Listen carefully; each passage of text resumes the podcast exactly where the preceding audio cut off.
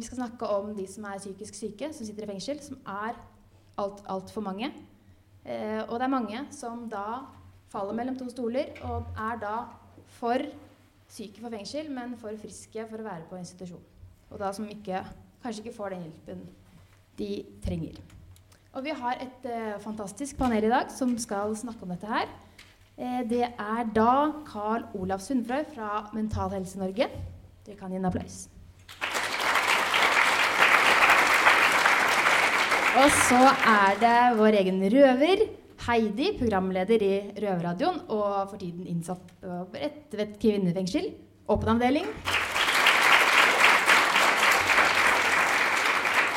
Og så er det Tale Bostad, som er psykologspesialist. Og hun er da ved fengselspsykiatrisk poloklinikk. Veldig vanskelig å si. Og så har vi da Hilde Lundeby, som representerer KDI, altså kriminalomsorgen, i denne debatten. Og så bare minne panelet på at hvis man har lyst til å si et eller annet, så er det bare å eh, rekke en finger i været for blikk. Og så til alle dere som sitter i salen. Det er veldig hyggelig hvis dere har lyst til å stille et spørsmål eller komme med en kommentar. Eh, men vi sparer det til helt i, slutten av debatten. Da sier jeg fra. Nå er det åpent for salen, og så er det bare å reke opp hånda, sånn som vi skulle vært på skolen. Jepp. Da tror jeg vi bare begynner. Eh, vi kan jo begynne med å få definisjonene på plass her. Så jeg spør deg først, eh, Tale Bostad. Hvordan vil du definere psykisk sykdom? Ja, skal vi se Hører dere meg? Ja. Eh, psykisk sykdom De rister. Er den kanskje på? Den får være litt høyere. Litt høyere? Nei. Ja. Ok. Psykisk lidelse. Um, det er en betegnelse på um, tilstander som uh, innebærer altså at det er, altså er Fellestrekkene er at, at den, de tilstandene påvirker hvordan vi tenker, uh, følelsene våre, atferden vår, og hvordan vi forholder oss til andre mennesker. Ja. er det litt feedback? Det er det. Uh, er det bedre nå? Skal jeg ta den stedet? En. Ja. Ok, da fortsetter jeg. Nå bytter jeg mikrofon. ok. Jeg fortsetter. Ja. Um, og det er et bredt spekter av forskjellige tilstander. Uh, man kjenner jo til angst, da har man sikkert hørt om depresjon, psykose osv. osv. Um, det som kjennetegner psykisk lidelse, det er at det må ha viss, en, en, en, viss type alvorlighetsgrad. altså Det må medføre en, et funksjonsfall uh, av en viss grad. Uh, altså Det må gå utover flere områder i livet som man, man, uh, man ikke mestrer, sånn som man i utgangspunktet gjør. Um, og det skiller seg fra f.eks. psykiske vansker, som alle opplever til hverdags. Altså hvis man har, eh, er stresset eller en samlivsbrudd, så vil man jo kjenne kanskje at man får litt dårligere konsentrasjon, man blir litt nedstemt, litt irritabel, sover dårlig. Men det er når de, alle disse tingene her blir eh, såpass eh, alvorlige, eh, da sier vi at man får et såpass alvorlig symptomtrykk at det går over til å bli en psykisk lidelse. Eh, ja. Folkehelseinstituttet de har vel sett på dette og det man finner at eh, i løpet av et år så er det en tredjedel av befolkningen vil oppleve en eller annen form for psykisk lidelse i løpet av et år. Eh, og halvparten av befolkningen vil rammes av en eller annen psykisk lidelse i løpet av livet sitt. Så det er ganske utbredt eh, i befolkningen generelt. Eh, ja. Eh, Karl Olaf, eh, er psykisk sykdom fremdeles et tabu i Norge? Uh, ordet psykisk lidelse er vel ikke noe tabu, men eh, det å snakke om det og være ærlig med de rundt deg om det, det er tabu. Eh, det er kanskje litt, blitt litt for mye populisme rundt det. Og det er jo mange som står fram og sier de har en psykisk lidelse, men det er jo faktisk kanskje òg de nærmeste rundt deg, de nærmeste nabo. Og det er, det er faktisk der det er mest av det.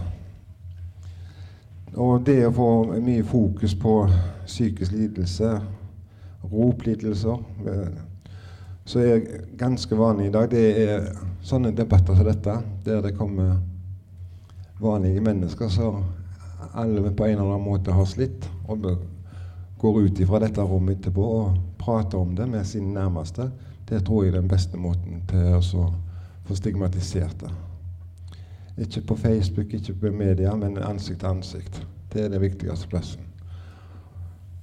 Så ta ordet psykisk lidelse. Det er ikke et tabubelagt ord. Men det å snakke om det, det tror jeg er veldig tabulagt. Heidi, eh, vi har jo en tidligere debatt eh, fremmet at det å være fengselsinnsatt, det er et tabu. Hvordan tenker du, Er det å være innsatt med en psykisk lidelse er det et dobbelt tabu? Ja. Det snakkes ikke om i det hele tatt. Det er så skambelagt at eh, du prater bare rett og slett ikke om det. Jeg har jo sett ting som har skjedd med de med psykiske lidelser i fengselet. Og jeg vil anta at det de opplever for dem, er så skambelagt at de vil aldri prate om det. Og vi andre som har vært vitne til det, vi snakker ikke om det fordi at det er ingenting vi får gjort med det. Så det er veldig vanskelig. Men tror du det er ekstra eh, skambelagt å ha en psykisk lidelse når man soner? Ja, for man er jo ikke bare da kriminell, men man er jo også psykisk syk. Mm. Eh, Tale, over halvparten av de innsatte de har brukt eh, narkotika før de har blitt eh, innsatt i fengsel. Og rusavhengighet det regnes i flere tilfeller som en psykisk lidelse. Hvorfor det? Um, ja. Uh, der hvor man har et skadelig bruk eller en, avhengig, en avhengighet av, av rus i en eller annen form, um, så kan det klassifiseres som en psykisk lidelse. Altså der hvor tilstanden som opptrer i sammenheng med rusinntaket, eller ja, ikke nødvendigvis helt parallelt, men i sammenheng med rusinntaket, der, altså denne tilstanden der den eh, På samme måte som psykisk lidelse, altså tankene, følelsene, atferden, relasjonen til andre eh, at, det, at det, vil svekke, altså det, det vil svekkes. Det vil gi et symptomtrykk. Det vil gi et lidelsestrykk for eh, den det gjelder. Og, eh, og funksjonsnivået vil også gå ned. Man vil eh, mestre livet eh, dårligere enn det man gjør ellers. Mm. Karl Olav, får dere henvendelser fra personer med rusavhengighet? Eh, alle brukerorganisasjoner eh, som jeg snakker med, og, og ikke minst brukere, så henvender seg til oss, det, det er utrolig mange. Og jeg har vært eh, aktiv i mentale helse i, i, mange år, og i dag så er jeg òg eh, gått, eh, blitt- gått over i, i, til Rio. eh, Fordi at eh, jeg så der, der hadde jeg eh, mer fellesskap, i og med at jeg har både rus og eh, psykisk eh, bakgrunn. Og har òg noen år i fengsel, så jeg kjenner til dette her eh, veldig godt. Og, men eh, jeg tror alle brukerorganisasjoner de får henvendelser fra fengsler. Og faktisk er det jo noen eh, plasser så heldigvis fengslene tar imot brukerorganisasjonene. For de ser at det, her er det god hjelp å få. Um, Hilde KDI. Uh, I uh, Kramer-rapporten fra 2014 så oppgir 92% av innsatte at de har en eller annen form for psykisk lidelse. Hva slags utdanning har betjenter eh, til å ta seg av de psykisk syke? Ja, øh, jeg har først lyst til å si at jeg representerer øh, Kriminalomsorgsdirektoratet her, men jeg har jobbet der én dag, og det var i går. Eh, men jeg har jobbet lenge i kriminalomsorgen, og bl.a. på Bredtvet. Eh, nå fem år, og tidligere faktisk også, men jeg sluttet altså i forgårs på Bredtvet. Eh, så jeg representerer kriminalomsorgen da, men bare som at, ja, mest i grunnen den ytre etat, da, siden jeg har vært en dag i direktoratet. Eh, Men jeg var med faktisk å lage, jeg har lyst til å si det, jeg var med å lage den eh, rapporten, jeg er litt forkjølt, eh, som heter 'Oppfølging av innsatte med psykiske lidelser og eller rusmiddelproblemer', som eh, som kriminalomsorgen lagde sammen med Helsedirektoratet. Den kom nå i høst. Så hvis dere er ordentlig interessert i å se både beskrivelser, masse fakta osv., og, og også tiltak som foreslås, både fra Helsedirektorat, fra helsesida og fra kriminalomsorgen, så er ikke den så dum å laste ned. Ligger på nettet. Men eh, jeg har også lyst til å si at eh, før jeg akkurat eh, kommer til dette med utdanningen jeg vet heller ikke hvordan folk uh, kjenner til historikken i dette i landet vårt. Um, vi er et av de få land i verden hvor ikke fengselsvesenet, kriminalomsorgen, har, altså eier helsetjenesten i fengselet. Altså at, de, at hele helsevesenet, eller ja, alle tjenestene uh, og de ansatte er en del av kriminalomsorgen. Sånn er det i de fleste land. Uh, det er det jo ikke i Norge. Det er det jo ja, det er det ikke i Norge. Eh, men det var det faktisk. Helt fram til 89 så var, så var det fengselsvesenet eide da helsetjenestene. Psykiatere, psykologer osv. som da også jobbet for innsatte, de var ansatt av fengselsvesenet. Sånn er det ikke hos oss nå. Og det betyr at når du spør hva slags utdanning har betjenter til å ta seg av de psykisk syke, så skal jo ikke våre betjenter læres opp til å behandle de psykiske lidelsene til de innsatte. Det er de ikke ansatt for, og de, ikke, de har heller ikke kompetanse på det. Eh, men det vi skal gjøre i kriminalomsorgen Vi har jo en rolle i forhold til det, vi òg. Men det er vi skal prøve å forebygge at folk får det, selvfølgelig. Men også da lindre og prøve å avhjelpe de eh, plagene og lidelsene som de har når de er i fengsel. Og det utdannes da våre fengselsbetjenter til sammen selvfølgelig også med andre ansatte i fengslene. Og Opplæringen om psykiske lidelser og rusavhengighet det har fått stadig større plass i pensumet på fengselsskolen, som jo er grunnutdanningen for betjenter. Under to års grunnutdanning så har aspirantene ca. 20 dager med bare opplæring om psykisk helse og rusproblematikk. Som da følges opp, opp når de kommer ut i praksisfengslene, hvor de jo er i, i, i to år. Uh, og Eh, lærer da ja, under veiledning og trening å gjenkjenne særlig signaler, vil jeg si. Kanskje er det viktigste de lærer om. For å prøve å se og skjønne hvem det er som strever. For som jeg inne på, det er ikke akkurat alle som kommer og sier at ja, problemet, kan du snakke med meg om det? Eh, så det er en viktig del av utdanningen for fengselsbetjentene. Men det du sier er at det er ingen som har noe utdanning av betjentene til å ta seg av de psykisk syke? De har bare kompetanse til å dytte de videre i systemet? Mm, det spørs hva du mener med å ta seg av. Altså Det de lærer, er jo samtaler med, med innsatte som man da hører eller forstår har psykiske problemer og plager. Øh, det er veldig mange faktisk gode samtaler som foregår mellom enkeltinnsatte og ansatte i, i fengselet. Øh, hvor man prøver å motivere og prøver å finne ut hva er det egentlig dette dreier seg om. Og det hender jo også at innsatte ber de ansatte formidle dette til helsetjenesten i fengselet. Selvfølgelig med, med, med da, bedt om det med samtykke fra den innsatte. Får dere noen tilbakemeldinger fra betjentene som, som kanskje om hvordan det er for de å jobbe med, med psykisk syke som man ikke egentlig har nok kompetanse til å ta seg av? Jeg må nok uh, si og innrømme at um, vi stadig hører at betjentene ikke syns de får opplæring nok i dette. Eh, det er en utfordring, og jeg vet at fengselsskolen altså er blitt mer og mer observant på at vi må utvide enda mer. Og det er planer om å la dette bli en enda større del av utdanningen. Hvilket jeg mener er absolutt på tide. Er, man læres opp i masse forskjellige ting i, i det, i, under den utdanningen, men jeg syns dette er noe av det viktigste. Karl Olav, hvilken kompetanse mener du burde ligge til grunn når man jobber med psykisk syke? Jeg vet iallfall det at eh, kompetansen i dag er skremmende dårlig. Fordi at eh, det er, det er, så mye forskjellig som ligger bak hvert, en, hvert, enkelt menneske som sitter i et fengsel. Det er faktisk som både du og meg. Jeg har jo vært der sjøl, så jeg vet det.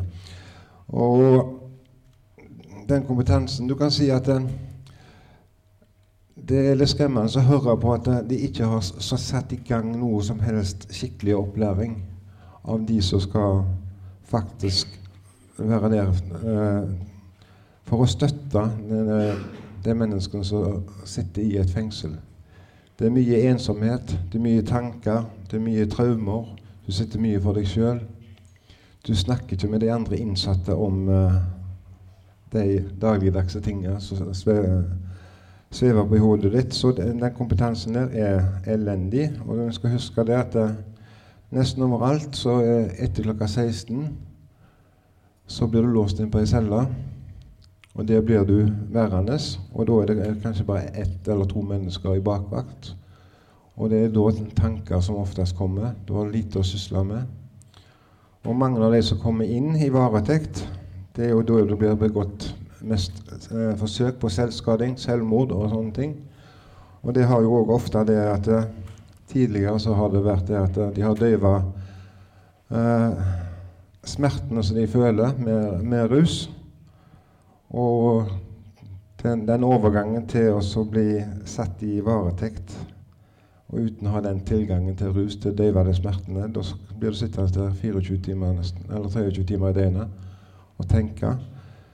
Det er mange gode mennesker som jobber i fengslene, men de har ikke den bakgrunnen til at de kan hjelpe dem med det profesjonelle. Så jeg mener at det bør være noe à la ACT-team i fengslene som kan jobbe profesjonelt med dem, og gjerne at det, det er likemenn som er med folk som har sont og kjent på dette før. Hva kan du si kort hva ACT-team er? Bare sånn kort. ACT-team det er rett og slett det er team som oppsøker eh, mennesker som sliter med rus og psykisk helse. Ofte eh, hjemme hos de og tar behandling hjemme. Snakker med de, oppsøker de. Du kan ringe etter de. De er der for deg nesten 24-7. Og der er det òg Sånn skal det iallfall fungere. Uh, og der er det òg uh, kriteriene egentlig at det skal være en likemann eller en, erfaring, en som har tidligere erfaring med, med rus psykisk helse, skal være ansatt. Um, SSB gjorde en levekårsundersøkelse blant innsatte i 2014. Der kom det fram at 25% av de innsatte hadde hatt behov for behandling i løpet av fengslingstiden uten å få det. Eh, Heidi, Hilde mener jeg, fra KDI. Eh, hva slags ressurser har kriminalomsorgen for å yte hjelp til de som har behov for det?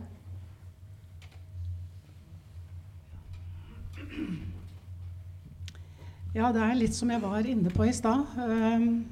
Vi skal altså ikke gi behandling. Eh, det har vi ikke kompetanse til, og skal ikke dermed forsøke oss på det.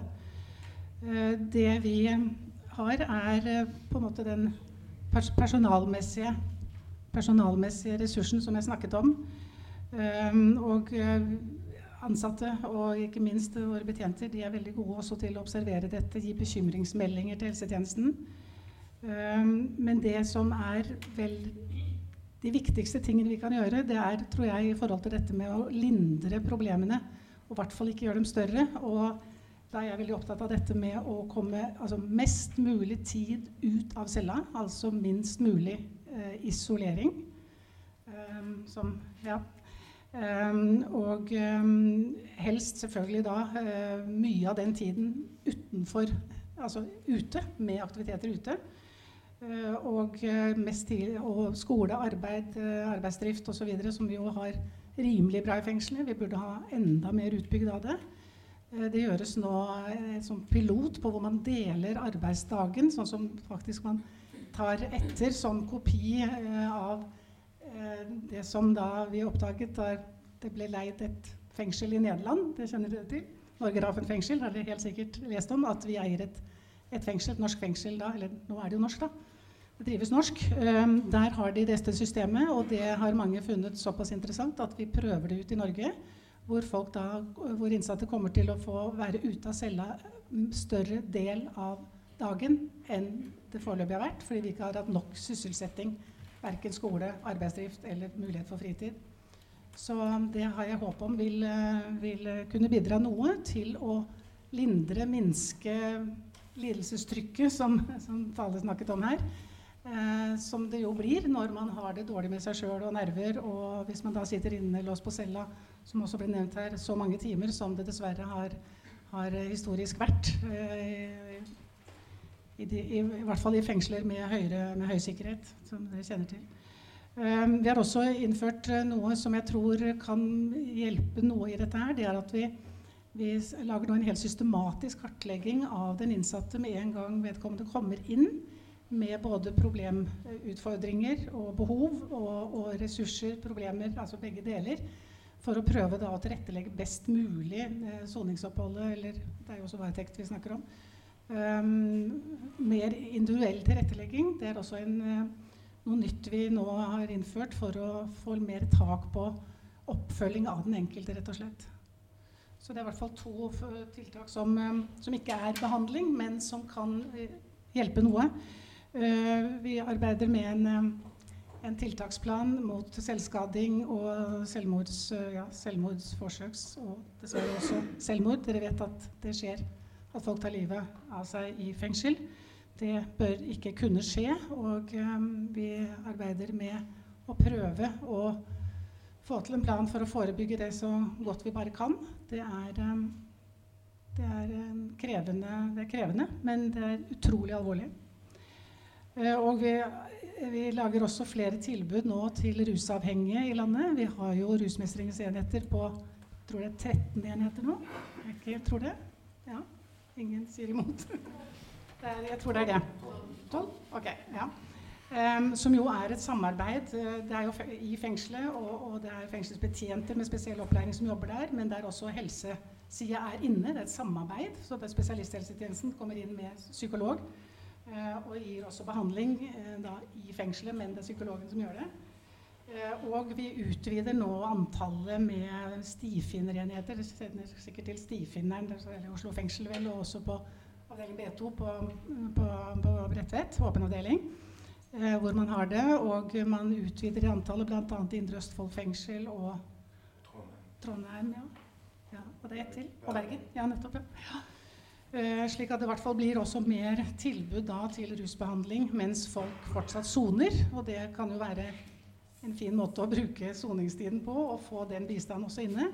Selv om mange mener at det egentlig ikke går an å få ordentlig hjelp mens man fortsatt sitter inne. Men jeg vil tro at det kan bistå, og kanskje også hvert fall gi mer motivasjon til å fortsette, følge opp behandlinger ute. For det vet vi jo er en utfordring, men nå først er ute i det frie liv, og, og da følge opp den behandlingen man eventuelt har begynt på. Så det er sånne tiltak, for å si det sånn, eh, kriminalomsorgen kan gjøre for å prøve å, å bistå fra vår side i, i dette med psykiske problemer hos innsatte.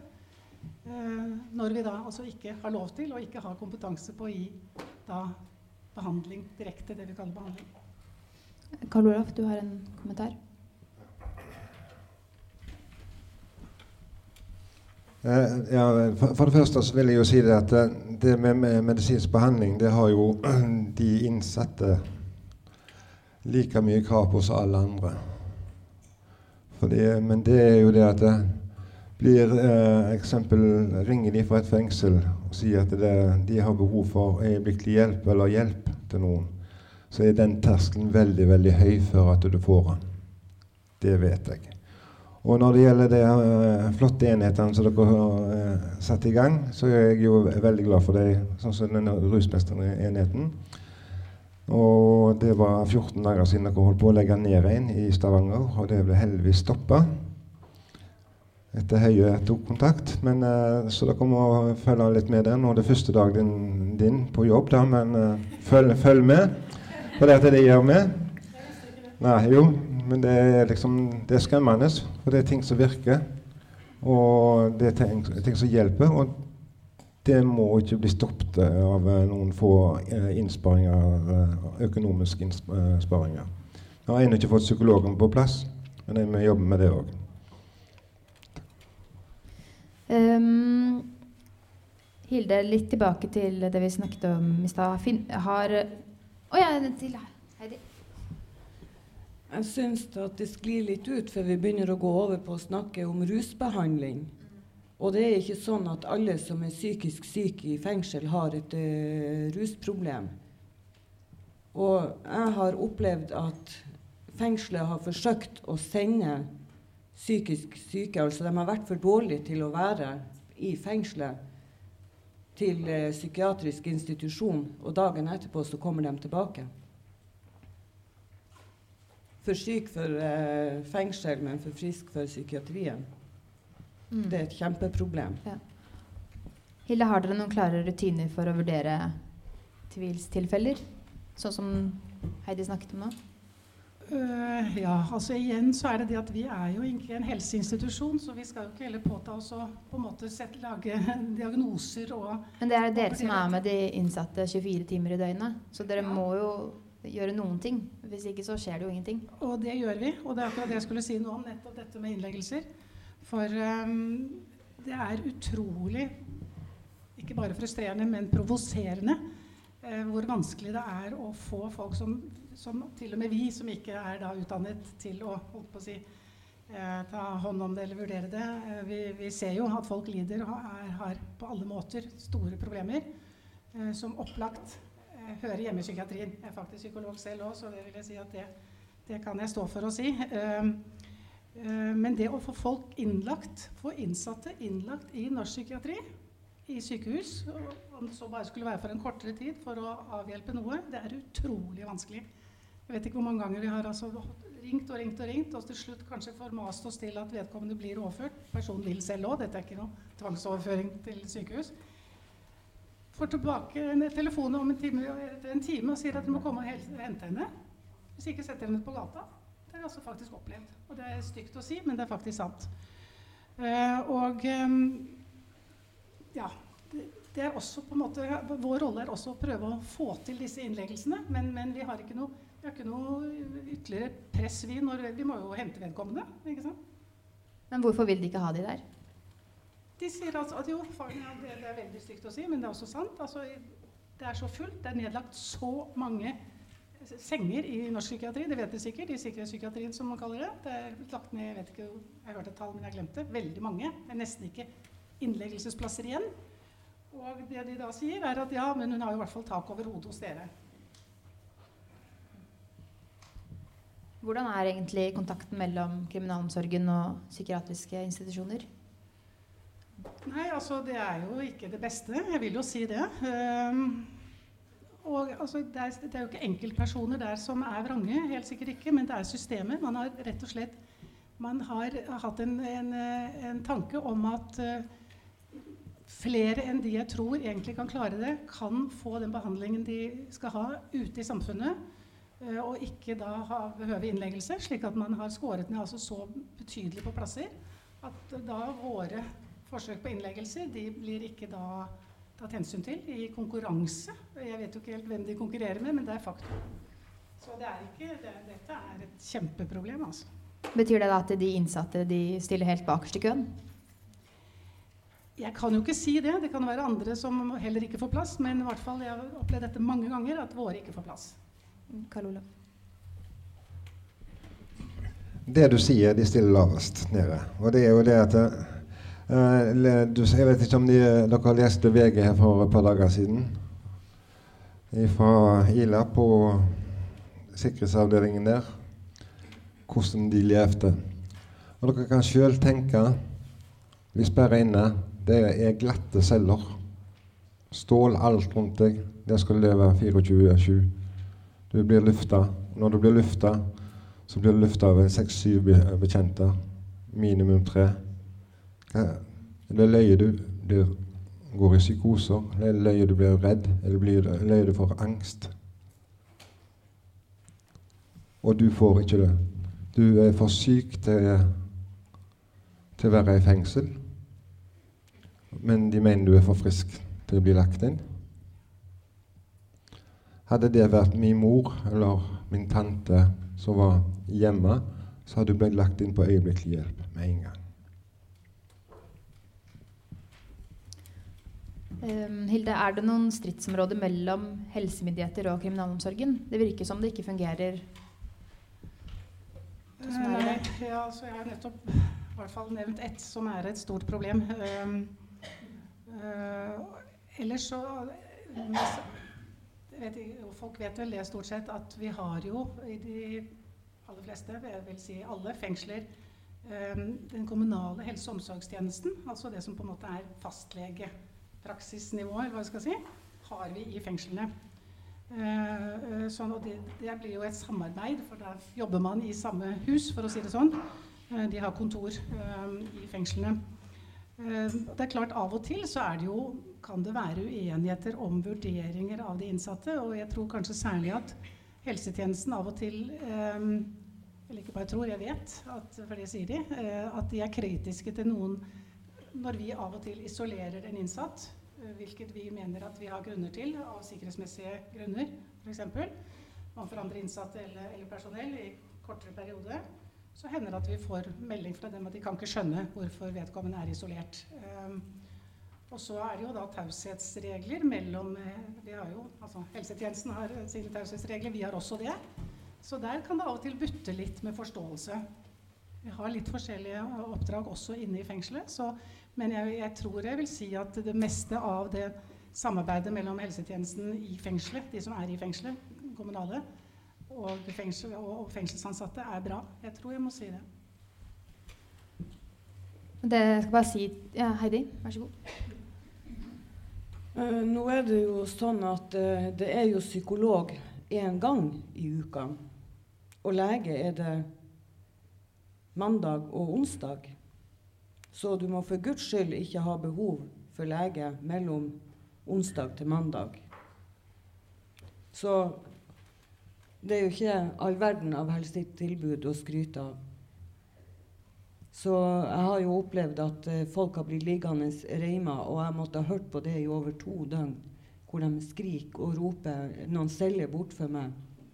Og jeg vet at personen ligger der fastreima, og det gjør noe med meg. Også når jeg vet at vedkommende har knust celler. Jeg vet ikke om personen er skada, hvor skada personen er.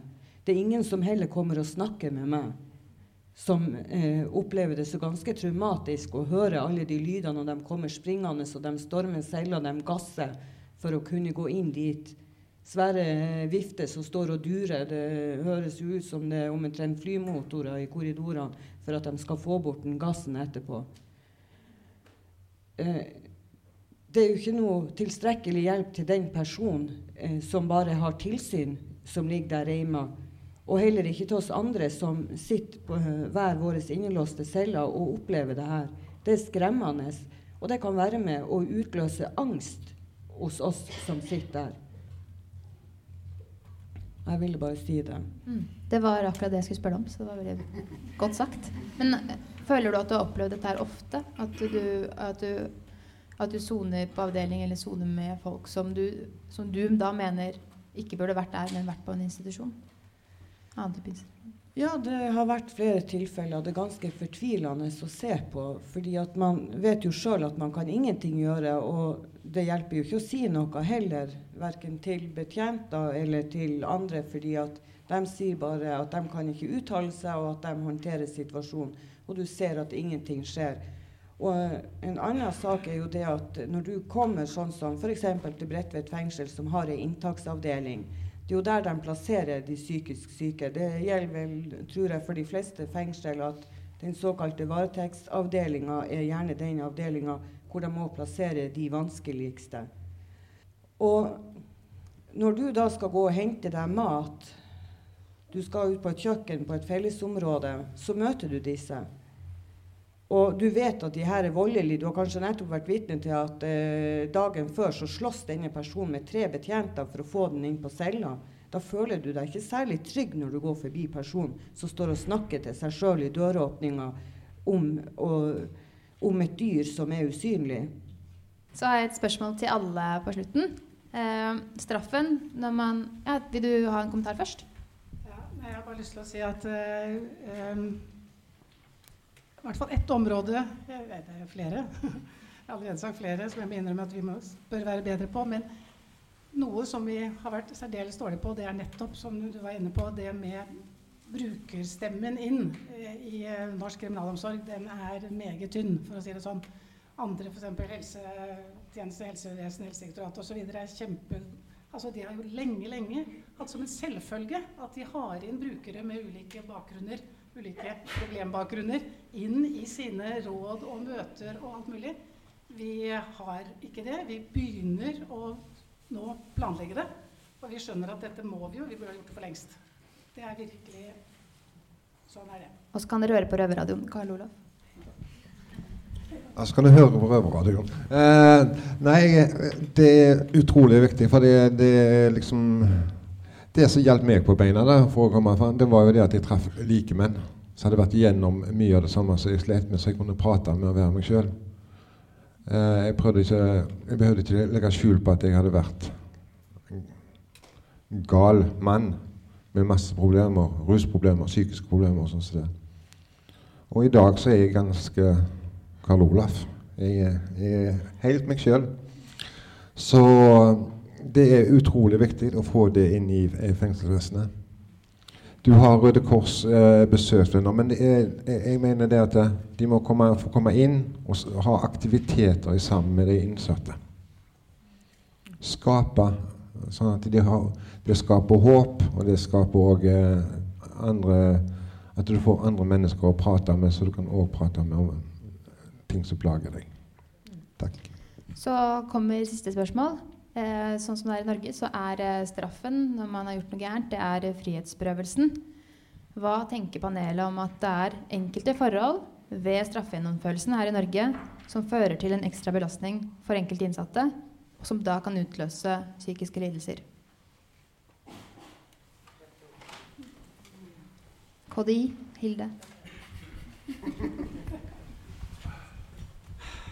Ja, som kan utløse, ja, i hvert fall forverre, for å si det sånn. Det, det tror jeg er riktig. Uh, og der er vi tilbake til alle disse eh, tiltakene for å prøve å forebygge, lindre osv., som også flere av oss har nevnt her. Jeg, jeg har jo ikke noen patentløsning, men, men det, det som er veldig bra, er nettopp altså at man får denne typen møter, man får denne typen bevissthet, bevisstgjøring, som også siver innover gjennom murene til kriminalomsorgen. De gjør det. Vi, vi, vi lytter, vi hører. Uh, og selvfølgelig, vi trenger også midler og støtte utenfor vårt system, men, uh, men jeg, jeg, på, jeg mener at vi er på en vei hvor det blir mer kommunikasjon, og dermed mer for å si det sånn, respekt for de behovene som er der ute. Eller inne.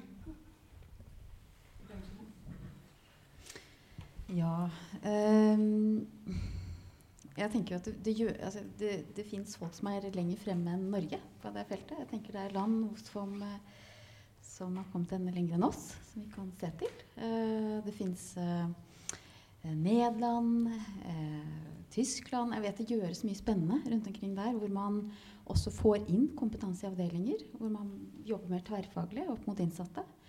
Um, og så er det også det her med når vi vet at eh, døgnplassene i psykisk helsevern bygges ned, så kommer det flere psykisk syke i fengsler. Det er en sammenheng. Um, det er helt åpenbart. Så også en, eh, et økt fokus, på det. Helsevesenets ansvar også for å ta seg av disse dårligste uh, psykotiske. De som trenger, er i behov av sykehusinnleggelse.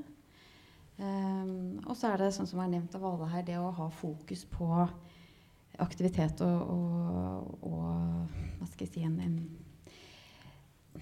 forberedelse til løslatelse, ikke minst. Altså kompetanseheving på ting man trenger når man skal ut igjen. Eh, straffegjennomføring, det, det skal ikke jeg blande meg inn i. Det er et eh, lovverk som, eh, som tilhører et annet lovverk enn det jeg jobber under. Men jeg ser helt klart eh, fordelene ved å kunne legge mer fokus på økt aktivitet, økt forberedelse til løslatelse. Tenke løslatelse når du kommer inn. Hva trenger du? Eh, så man ikke får de her dårlige løslatelsene. Det òg gir jo mye psykisk eh, altså, lidelse, rett og slett. Det å grue seg til løslatelse. Det er ingenting der. Ting er ikke på plass. Um, dette her er så svært felt, og det er så mange ting eh, som, som kunne ramset opp av hva, hva som skaper uhelse, og, og hva vi kunne gjort bedre eller annerledes. Ja. Mm.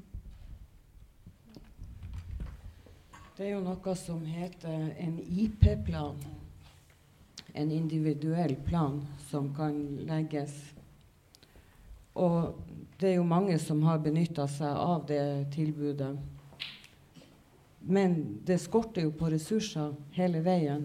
Det er jo tilbakeføringskoordinator. Det er jo et bindeledd også, en Nav-konsulent som jobber inne i fengselet. Men jeg vil jo si ut ifra meg sjøl som sitter i et kvinnefengsel, så føler jeg meg jo veldig diskriminert fordi at jeg er kvinne. Vi får tilbud om strikkemaskiner og symaskiner. Jeg vil jo ikke akkurat si at det er yrkesfremmende eh, arbeidsretta tiltak. Så ja, jeg blir god på hobby, men dårlig på arbeid.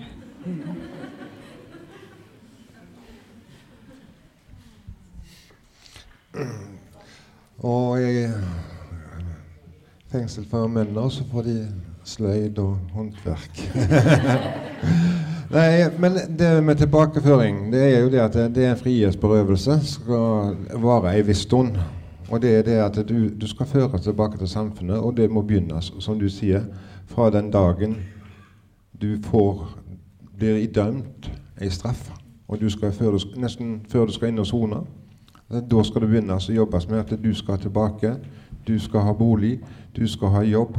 Og det er det at den brukeren jeg vil kalle det for en bruker, den skal bli hørt. Det er han som skal være med å lage, lage sitt eget løp. Og det skal være sømløst. Fra dag én. Det har vist seg faktisk, for de som har fått det, så har det faktisk gått veldig veldig bra for mesteparten av dem. Og det å være med og medvirke i sitt eget liv, det er jo utrolig viktig. Det er vel det dere alle gjør ute i samfunnet. Medvirke i sin egen liv. Og det må òg en person som skal løslates eller komme ut fra institusjon, han må få lov å delta i sitt eget løp ut fra sine egne premisser. Og den personen bestemmer òg hva som er et verdig liv for han. Det skal ikke helsevesenet eller fengselsvesenet bestemme. Det skal personen sjøl bestemme. Og det viser seg det at når du kommer til det punktet at nå har jeg det godt, så ser du at du kan få det enda bedre. Du går trappetrinnene. Så blir du den personen du er. Men hjelpeapparatet skal være en støtte. Takk for det. Da kan vi i hvert fall eh, være enige om at det er selv om man vet, Det virker som man har litt kompetanse på hva som egentlig burde gjøres, men at det uh, er en stor jobb igjen for kriminalomsorgen for å, for å, hjelpe og for å unngå at det er flere som, som, sitter inne som får psykiske problemer, og hjelpe de som allerede har det, når de soner. Og du må si ett ord. Ja. Vær så god. Og dere ser jo det. Her er Røverhuset. Det er i gang. Benytt de. Og godt sagt.